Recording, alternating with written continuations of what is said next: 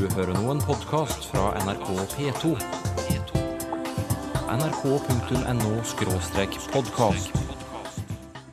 Jeg vet ikke, jeg, men jeg tror det gjør seg at det går bra. i det, sjø. Det skulle ha vært en helt annet.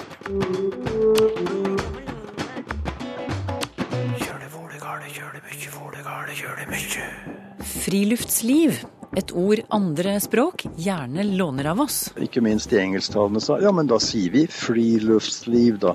Problemet er at de som skal eh, snakke om det, ikke syns at de engelske, tyske begrepene dekker akkurat det samme. Mange metaforer viser til servering av mat. Vi kan servere løgner, og vi kan ha et program med variert meny. Og hvorfor heter det sønnavind? Dette henger jo sammen med at på norsk så har vi to ord for den himmelretninga. 2015 er friluftslivets år, en nasjonal markering av norsk friluftsliv. Det er jo en fin anledning til å se litt nærmere på selve ordet friluftsliv, som har et slags jubileum i år, kan det se ut til. Skal vi driste oss til å påstå det, Sturla Berg-Olsen i Språkrådet? Ja, eh, et 155-årsjubileum kan vi si at det er. Eh, Det er eh, 155 år siden Ibsen brukte det i dette diktet På vidderne, eh, som kom på trykk i 1860. Og det er det første belegget vi, vi har på ordet friluftsliv. Ja, du, eh, På vidderne er jo et ganske langt dikt, men skal vi spandere på oss å høre akkurat det verset der Ibsen bruker ordet friluftsliv? Ja. Kun på vidden kan jeg trives.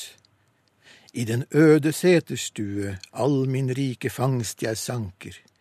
Der er krakk, og der er grue. Friluftsliv for mine tanker. Det var Ingvar Rostad som leste et vers fra Ibsens eh, dikt På vidderne. Og når dette diktet blir utgitt i 1860, da, så må vi jo regne med at friluftsliv er et nytt ord, som du antydet. Hvor, hvor hadde Ibsen det fra, tror du? Ja, det kan vi jo bare spekulere i, egentlig. Nå er det jo sånn at eh, ordet friluftsliv er jo danna på en helt regelmessig måte. Vi kan lage sånne sammensetninger i norsk veldig fritt. Sånn at vi kan ikke si med sikkerhet at eh, det var første gang det ble lagd. Noen kan ha lagd den samme sammensetninga før. Eh, Og vi vet jo selvsagt ikke om det var Ibsen som fant det på der og da. Men eh, vi har jo ingen, ingen tidligere belegg, så, så det, vi kan i hvert fall eh, sette det fram som en hypotese, da. Det er jo sammensatt av friluft og liv. Og friluft igjen er sammensatt av fri og luft. Og det med bruke en frase som fri luft er jo noe som forekommer mye tidligere. Ja, ja, har du funnet noen eh, gamle belegg for det? Ja, det brukes på, på dansk, som jo da var språket i Danmark og Norge, i hvert fall på 1700-tallet. For eksempel funnet det hos eh, Holberg. Ja. Mhm. Og det har å gjøre med den betydningen av fri som går på at det ikke er noen stengsler. Altså, vi har flere uttrykk med fri i den betydningen der. Fritt utsyn. Det kan være fri og åpen plass. Um, Og på samme måten så, så blir jo da fri luft det blir noe som er åpent, hvor det ikke er noen stengsler. Ja. Men, så, men eh, altså, så kommer friluftsliv. Og mm, vet du noe om hvorfor dette ordet dukker opp akkurat eh, på midten av eh, 1800-tallet? Det er jo eh, naturlig å sette det i sammenheng med at eh, det var på 1800-tallet man fikk fritid, eh, i hvert fall en del fikk, og fikk en sånn interesse for å koble av i naturen. Og det, det henger vel også sammen med romantiske strømninger om at naturen, det opprinnelige, det rene, var noe som var tiltrekkende. Ja. Var vi alene i Skandinavia om å ta i bruk eh, ordet friluftsliv? Nei, eller altså de tidligste beleggene er jo da fra Norge. Men det, det er jo snakk om belegg på dansk, for det var jo da skriftspråket i Norge, stort sett. Eh, Men vi finner det også i svensk, eksempel, men det er det første belegget som eh, er notert i den store svenske ordboka. Det er fra 1889, Eh, så det er litt seinere. Ja. Men, men altså, i dag så finnes jo ordet friluftsliv både i, i svensk og i dansk. Men, um, men, det er nok mest, mest, brukt i norsk, da, hvis du sammenligner de tre språkene. Ja, du har tatt en liten opptelling. kan du gi et bilde av uh, bruken i de tre skandinaviske landene? Ja, altså det var bare et raskt søk på internett, da. Men hvis du søker på norske, svenske og danske nettsteder på, disse, på dette ordet, så er det ja, nesten dobbelt så mange treff på norske nettsider som på svenske, f.eks. Eh, og nå må du regne med at det antagelig er flere nettsider på svensk, så den relative mm, andelen er antagelig enda større, da. Hva forteller det deg? Ja, det forteller meg vel at eh, begrepet friluftsliv er mer sentralt i norsk samfunn eh, enn det er i svensk. Ja. Det er også brukt i dansk, men der er det enda mindre brukt, da. Mm. Så, um... Men du, ordet friluftsliv eh, har vi funnet ut. Det brukes faktisk utenfor Skandinavia også, bl.a. i engelsk og tysk. Og mannen som skal ha æren for det, heter Nils Forlund. Han har arbeidet for friluftsliv i snart 50 år. Det var han som grunnla Norges eh, høgfjellsskole på 60-tallet. Senere etablerte han friluftsliv som studium ved Idrettshøgskolen. Og Gjennom reiser og foredrag i utlandet har han gitt dette ordet videre. Jeg eh, har nær sagt selvsagt eh, var jo såpass høflig at jeg forsøkte å finne et tysk eller et eh, engelsk ord for friluftsliv. Og jeg holdt på med det i en sånn 20-25 år, før jeg etter hvert oftere og oftere fikk høre at ja, ikke minst de engelsktalende sa ja, men da sier vi friluftsliv, da. Og etter hvert sa tyskerne også ja, da sier vi friluftsliv, da. Slik har det blitt etablert eh, både på tysk og ja, først på engelsk fra begynnelsen av 90-tallet, og i Tyskland på begynnelsen av 2000-tallet. Men brukes ordet friluftsliv i disse landene bare når du er på besøk og skal snakke om det, eller i hvilke andre sammenhenger brukes det internasjonalt? Tyskerne de har eh, laget en antologi fra 2007 som heter 'Friluftsliv'. Eh, og der er det jo en 20 eh, forskjellige innlegg, mer eller mindre preget av den norske forståelsen. I Canada, USA, kom det en antologi ja, sånn rundt år 2000 om friluftsliv. Så det er særlig ved universiteter og høyskoler at det er utbredt. Men det kommer også mer og mer i i reiselivsbransjen som skjønner at uh, turister er ikke bare overflatiske. Ja, har du noe eksempel på det? At ordet friluftsliv blir brukt internasjonalt for å promotere Norge som reisemål? Det som vi kanskje kunne ta med, da, dette, til dette amerikanske 'Lonely Planet'. Mm. Og nå har jeg plukket frem et, eh, et eh, utklipp fra Dagbladet fra 1911, nei, 2011 i 2011 så fortalte de at uh, Lonely Planet Magazine har kommet ut med en uh, utgave som presenterer Norge over tolv sider. Og der skriver de da om friluftsliv som noe som kjennetegner nordmenns forhold til sin enestående natur. Og da er det stavet F-R-E-E bindestrek L-O-O-F-T-S bindestrek L-E-E-V. Eh, altså friluftsliv. Så, så det er vel litt interessant at eh, et så utbredt uh, magasin og et, et slikt, en slik reisehåndbok, da, at de allerede i 2011 fremhevet friluftsliv som noe særegent. Det fortalte Nils Forlund. Eh, hvorfor tror du det norske ordet friluftsliv brukes i språk som eh, tysk og engelsk, eh, Sturla Berg Olsen? Ja, det brukes vel da for å uttrykke For å prøve å uttrykke akkurat det innholdet som vi i Skandinavia eller i Norge legger i ordet. Men jeg har jo inntrykk av at det primært brukes i faglige sammenhenger, da. Mm. Som også han eh, Forlund vel sa. Mm. Men når du sier uttrykket, det innholdet i stikkord, hva er det?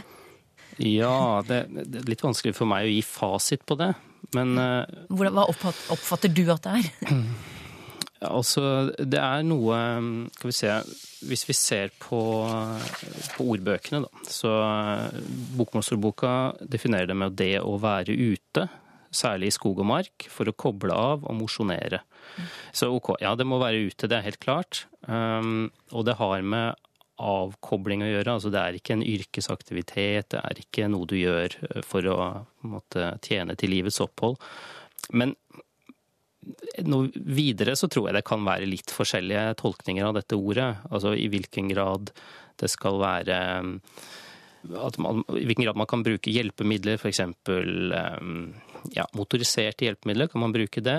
Kanskje ikke, men her vil det antagelig være litt forskjellige meninger. Så jeg, jeg tror også i Norge så er det helt sikkert forskjellige ting mennesker legger i, i, i friluftsliv. Men, men altså det er grunnleggende positivt, og det har med naturen å gjøre og avkobling. Men, men eh, som Forlund fortalte da i engelsk og tysk, så, så, brukes det i visse sammenhenger det norske friluftsliv. Hvorfor har de ikke sitt eget eh, ord for det? Ja, altså de har jo ord som nærmer seg. Altså Problemet er jo at eh, da de kanskje fagfolka som skal snakke om det, ikke syns at de engelske, tyske begrepene dekker akkurat det samme. Mm. Altså, du har Du kan si på engelsk 'outdoor life', 'outdoor recreation', men det skaper kanskje litt andre assosiasjoner enn en ordet friluftsliv gjør for, for oss, da. Så, og nettopp derfor så er det kanskje da noen som syns det er like rett å ta i bruk det, det norske for å, for å bringe inn et um, begrep som folk ikke har noe forhold til, og som de da kan fylle med det de mener uh, passer.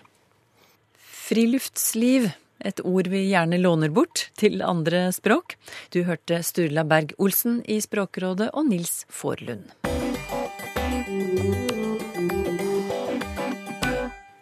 Bruker du metaforer? Her skal det bli andre boller. Må du ha det inn med teskje, eller? Der fikk du noe å tygge på, tenker jeg. Jeg tror det er ganske vanlig å gripe til en metafor nå og da. Og du, Helga Mannsåker, du skriver en doktoravhandling om temaet. Hva er en metafor? Eh, en metafor, det er egentlig å omtale noe ved hjelp av ord som egentlig refererer til noe helt annet. Altså at ord blir brukt i såkalt overført betydning. Så vi henter ord fra ett område og bruker det om et helt annet område. Ja, er, det som, er, det noe som, kjennetegner eh, metaforen? Noe som er typisk for den, utover det du sa nå? Typisk eh, for veldig mange metaforer er at du, du bruker ord som egentlig refererer til eh, konkrete fenomen, og så bruker du de om abstrakte fenomen, altså ting som vi ikke kan sanse eller observere direkte. Da henter vi ord Eh, som egentlig handler om eh, sansbare, konkrete ting. Ja, Hvorfor gjør vi det? Eh, for det, det, det, som vi kan sanse, det som er konkret, det har vi veldig god kjennskap til og veit mye om. Og så bruker vi på en måte de tingene for å billedliggjøre og, og begrepsliggjøre abstrakte ting som vi egentlig ikke har direkte kjennskap til gjennom sansene. Ja.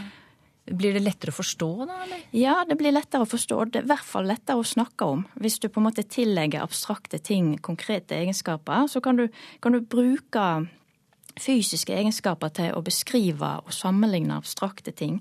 For eksempel eh, den fysiske egenskapen tung, som egentlig handler om vekt og masse. Sant? Den fysiske. Eh, fysiske objekt har jo eh, vekt. Mm. Vi kan snakke om tungt ansvar, tungt språk, tung søvn, tunge tanker eh, og ha tungt hjerte. Ja.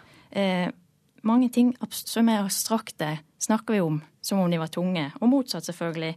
Lett søvn, lett om hjertet, lett humør. Ja. Og, det, og, det, er jo ikke noe vanskelig å, å, å forstå? Nei, for det er så vanlig å, å, snakke om det. Og det er mange som mener, eh, som forsker på metaforer, at vi snakker sånn fordi vi tenker sånn. At vi forestiller oss sånne abstrakte ting som tanker, som om de kan ha vekt og være tunge eller lette eller mørke eller lyse eller En type metafor du har sett på, det er matmetaforer. Hva er det? Ja, matmetaforer. Altså, eh, vi har en veldig vanlig eh, metaforisk kobling mellom eh, ideer, altså i vid forstand, og mat. Det vil si at vi bruker masse ord som egentlig refererer til mat, servering av mat og inntak av mat. Eh, det bruker vi for å, å snakke om kommunikasjon av ideer til andre. Ja, Kom med noen eksempler nå. Ja, Vi har veldig mange språklige uttrykk som, som, på en måte stammer fra denne koblingen vi har. At vi forstår på en måte kommunikasjon som, som det å, å, servere mat. Mm. Vi kan servere løgner, f.eks. Vi kan fòre noen med opplysninger. Og vi kan ha et program med variert meny. Mm. Vi kan sette opp ei smørbrødliste med forslag til noe. Mm. Vi kan um, måtte tygge litt på noe som vi har hørt. Sant? At hvis noen eh, kommuniserer et eller annet til oss som vi ikke helt umiddelbart eh, skjønner eller, eller, klarer å ta inn, så må vi tygge litt på det. Og etter å ha tygga en stund på det, så kan det være at vi svelger det. Altså at vi aksepterer det som blir sagt. Ja. Men likevel så kan vi måtte fordøye det litt, hvis det f.eks. er hard kost. Ja. Hvorfor, hvorfor, griper vi så ofte til mat da, når vi skal uh, forklare, eller når vi skal gi et språklig bilde av, av noe? Nei, altså det, det med mat og, og, og, det å ete er jo noe veldig grunnleggende og felles erfaringer som vi har helt fra tidlig barndom. Eh, så det er noe vi, vi, vi, kan mye om og har mye erfaring av. Og så er det jo det at det å spise det er jo noe på en måte som vi kan sanse. Både den som, som tar inn maten og spiser maten, sanser maten. Mm. Og andre kan se at vi spiser. Eller at vi ikke, altså at vi lar være å spise. Mm. Sånn at det er noe veldig sånn håndfast og, og velkjent over det. Mm. Eh, og ja. det som er grunnen til at akkurat mat og ideer er kobla, er at det, jeg tror vi oppfatter at det er noen strukturelle likheter mellom det å spise og det å på en måte motta informasjon. For det at både mat og ideer er på en måte noe som kommer utenfra og blir tatt inn i kroppen. Ja. Så jeg tenker at Sinnet er som en slags beholder som vi kan putte ideer og informasjon inn i så er det en slags eh, likhet der. Mm. Så både matmetaforer og andre metaforer kan være hjelpemidler i kommunikasjon. Men hva slags begrensninger ligger i metaforen når vi skal formidle noe til en annen person? Ja, det er jo det at, eh, som jeg sa, eh, metaforer ofte blir brukt om eh, abstrakte og ganske komplekse ting. At, du, du framstiller de som de var konkrete objekt. Ofte mye enklere saksforhold. Sånn at bruk av metafor de kan bidra til å belyse deler av noe abstrakt og komplekst, men, men, de kan ikke på en måte fange inn eh, hvor komplekst det egentlig er. Eksempel eh, metaforen eh, der du kobler sammen kommunikasjon av ideer og inntak av mat. Så er det jo en veldig vesentlig forskjell hvis du serverer noen et eple, og de spiser et eple, så blir ikke eplet til ei pære underveis i prosessen. Men hvis du kommuniserer et litt innfløkt tankeinnhold, sender det på en måte fra deg i form av skrift eller tale til en mottaker, så må han tolke den skrifta og talen, og så ut fra det på en måte rekonstruere det tankeinnholdet som du opprinnelig satt med. Og der kan veldig mye gå, gå eh, skeis underveis i prosessen. Så du kan aldri vite sikkert om eksakt det samme tankeinnholdet har blitt kommunisert og, og rekonstruert i hodet på mottakeren. Så det er en veldig viktig forskjell ikke helt risikofritt å bruke metaforer. Du kan bli misforstått. Helga Mansåker er ved Universitetet i Bergen og skriver doktoravhandling om nettopp metaforer.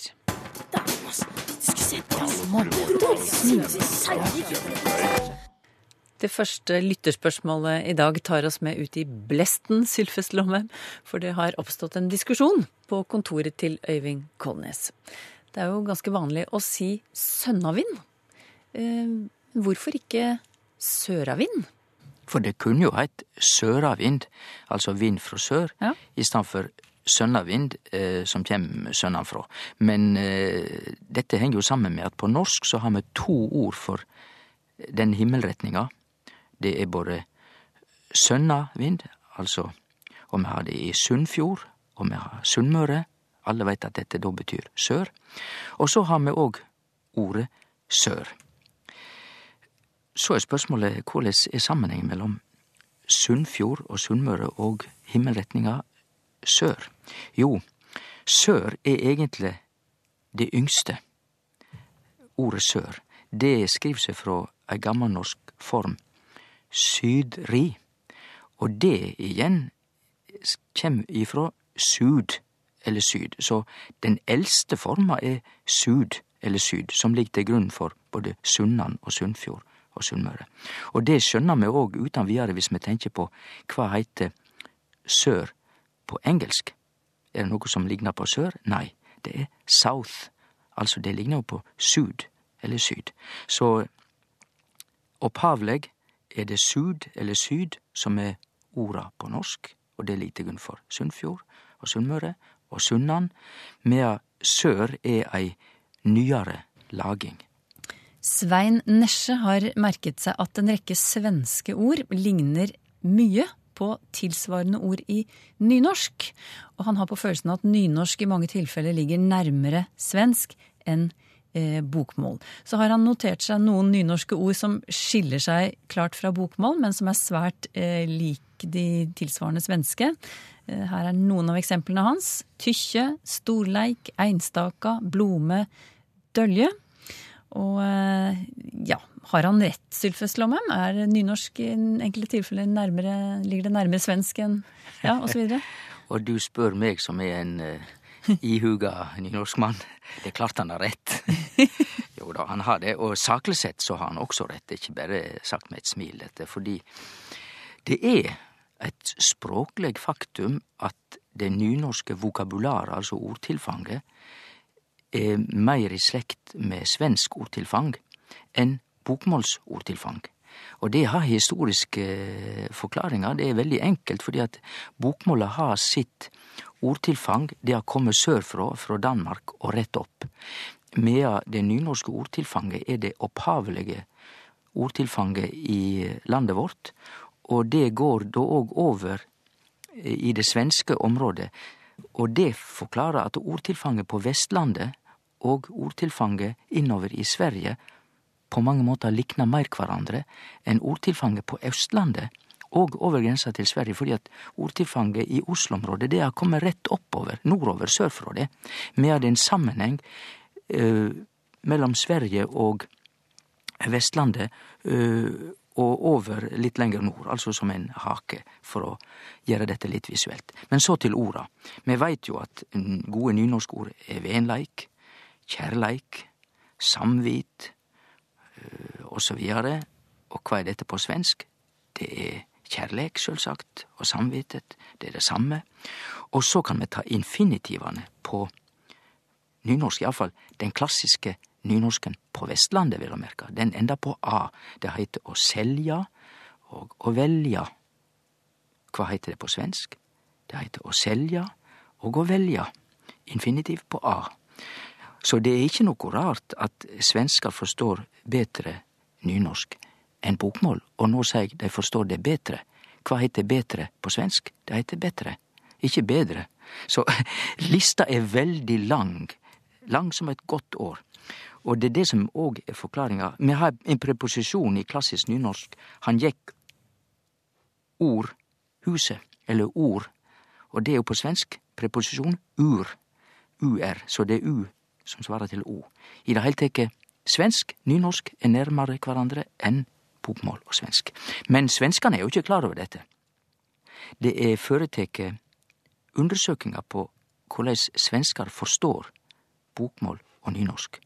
Og da viser det seg, ikke uventa, at når svenskar får seg lagt føre ein tekst, og ikke får vite hva dette er for noe, og så skal de krysse av hva de forstår i teksten og ikke forstår, så er resultatet at svenskene forstår nynorsktekst litt bedre enn de forstår bokmålstekst.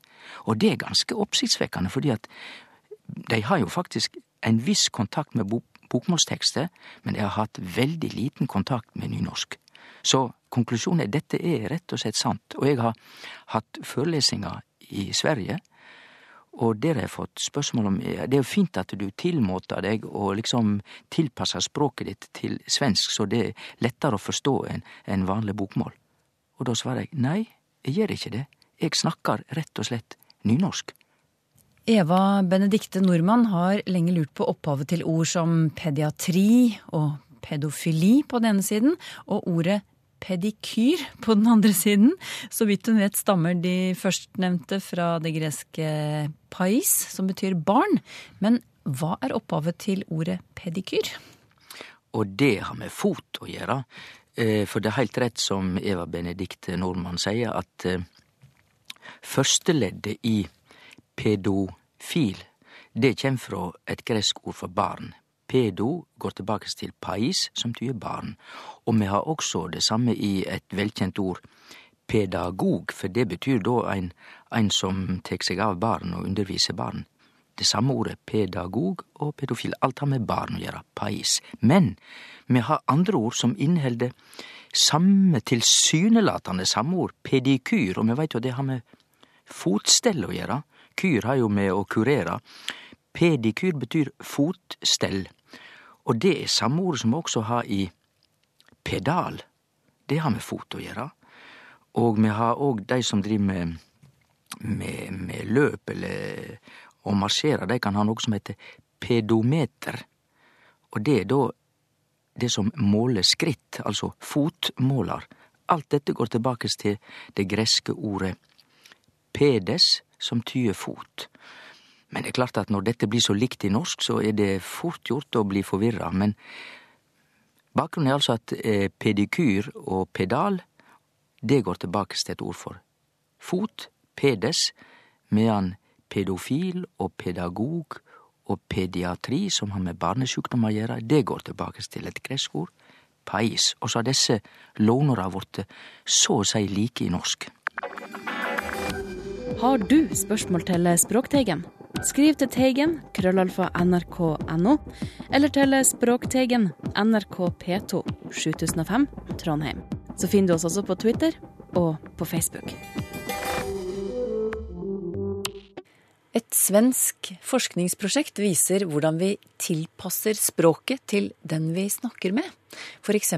ekspeditøren i billettluken. Og Det som er interessant med ham, er at han anpasser sin hilsningsfras til kunden. Så at når en ung mannlig kund kommer og sier 'tjena', da sier han også 'tjena'. Språkteigen om en uke.